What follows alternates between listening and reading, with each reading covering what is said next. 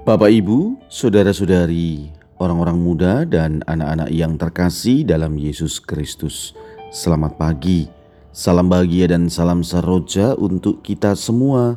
Berkah dalam bersama dengan saya, Romo Antonius Garbito Pambuaji, menyampaikan salam dan berkat Allah yang Maha Kuasa dalam nama Bapa dan Putra dan Roh Kudus. Amin.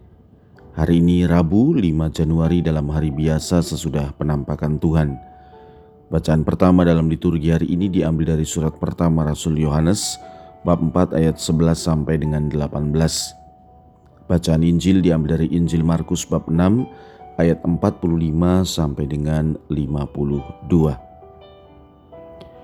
Sesudah memberi makan lima ribu orang, Yesus segera memerintahkan murid-muridnya naik ke perahu dan berangkat lebih dulu ke seberang ke Bethsaida. Sementara itu ia menyuruh orang banyak pulang. Setelah berpisah dari mereka, Yesus pergi ke bukit untuk berdoa. Ketika hari sudah malam, perahu itu sudah di tengah danau, sedang Yesus tinggal sendirian di darat.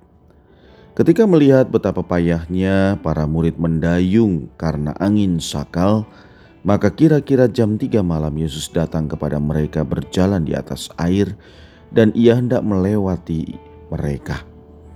Ketika melihat dia berjalan di atas air, mereka mengira bahwa ia adalah hantu. Lalu mereka berteriak-teriak sebab mereka semua melihatnya dan sangat terkejut. Tetapi segera Yesus berkata kepada mereka, "Tenanglah." Aku ini, jangan takut. Lalu Yesus naik ke perahu mendapatkan mereka dan angin pun redalah.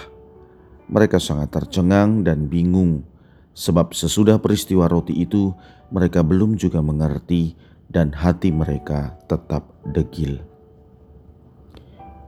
Demikianlah sabda Tuhan, terpujilah Kristus.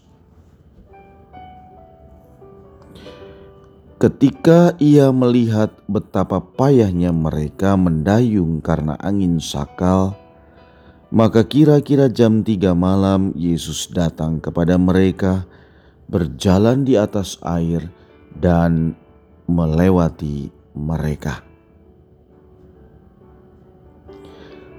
Dalam sabda Tuhan yang baru saja kita dengar, dikisahkan bahwa setelah Yesus mengadakan mujizat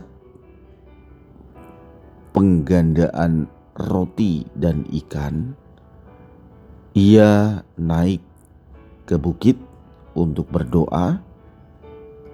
Ia menyepi untuk menyerahkan segala karya yang telah dilakukannya kepada Allah. Ia meminta pula para murid untuk berangkat lebih dulu ke Bethsaida. Saudara-saudari yang terkasih, dalam perjalanan para murid, mereka menemukan angin sakal yang menghadang perjalanan. Hal ini adalah gambaran tentang perjalanan hidup orang percaya.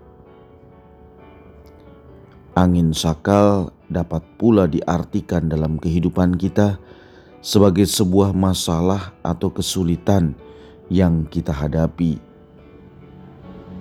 Semua orang, termasuk orang percaya dan bahkan kita yang menjadi pelayan Tuhan, juga tak luput dari masalah atau kesulitan.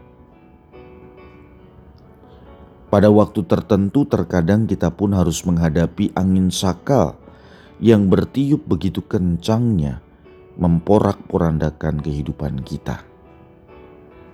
Sebagai contoh, dua tahun terakhir ini kita menghadapi angin sakal yang sama, yaitu pandemi COVID-19.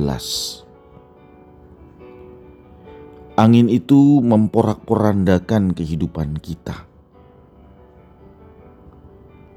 Namun, saudara-saudari yang terkasih, kalau kita percaya, perlahan-lahan angin itu pun reda. Perlahan-lahan situasi pandemi COVID-19 pun reda. Tetapi kita tetap harus menjaga protokol kesehatan agar sungguh-sungguh angin sakal ini mengembalikan kehidupan kita. Angin sakal yang menghalangi perjalanan murid Tuhan ini bukanlah angin yang besar atau bersifat menghancurkan, tetapi angin ini menghadang secara bertubi-tubi sehingga pergerakan kapal yang mereka tumpangi menjadi terhambat. Akibatnya, para murid menjadi sangat kelelahan karena kapal tidak bisa melaju dengan cepat. Dalam kehidupan kita, kadang kita pun dihadapkan dengan angin permasalahan yang datang secara tiba-tiba, secara bertubi-tubi, menghadang perjalanan hidup kita, menghambat rencana-rencana kita. Tak jarang kita pun menjadi sangat lelah, tidak berdaya, kehilangan kekuatan untuk meneruskan langkah hidup. Ingat, Tuhan mengatakan, "Jangan takut, Aku ini." Marilah kita tetap mengimani bahwa Tuhan tidak pernah meninggalkan kita. Ia tidak pernah membuat kita kecewa. Terkadang Tuhan mengizinkan angin sakal itu ada dalam kehidupan kita Tujuannya mengajarkan kita untuk percaya penuh pada kehendak Tuhan, serta melatih iman kita agar semakin kuat.